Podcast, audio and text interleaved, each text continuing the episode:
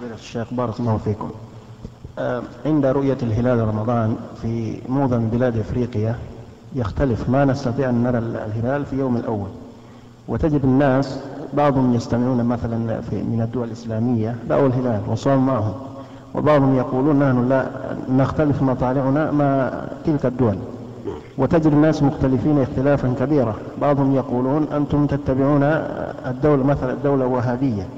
وبعضهم يقولون يعني كلام كثير فما هي الرأي الصحيح في هذا الحال؟ الرأي الصحيح أن ينظروا إلى ما يقرره علماؤهم هناك وقضاتهم لأن الصوم يوم يصوم الناس والفطر يوم يفطر الناس.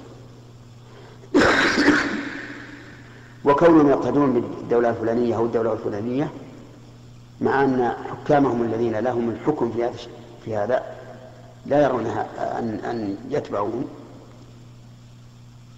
فهو خطأ منهم فيما نرى. نرى أن يتبعوا قضاتهم. إذا حكموا بدخول الشهر آه، لزمهم ما يلزمهم من الإفطار في في, العيد أو الصوم في دخول الشهر شهر رمضان. نعم. فالناس تبعوا لإمامهم. إذا صاموا صام. إذا صام صاموا وإذا أفطر أفطروا. نعم.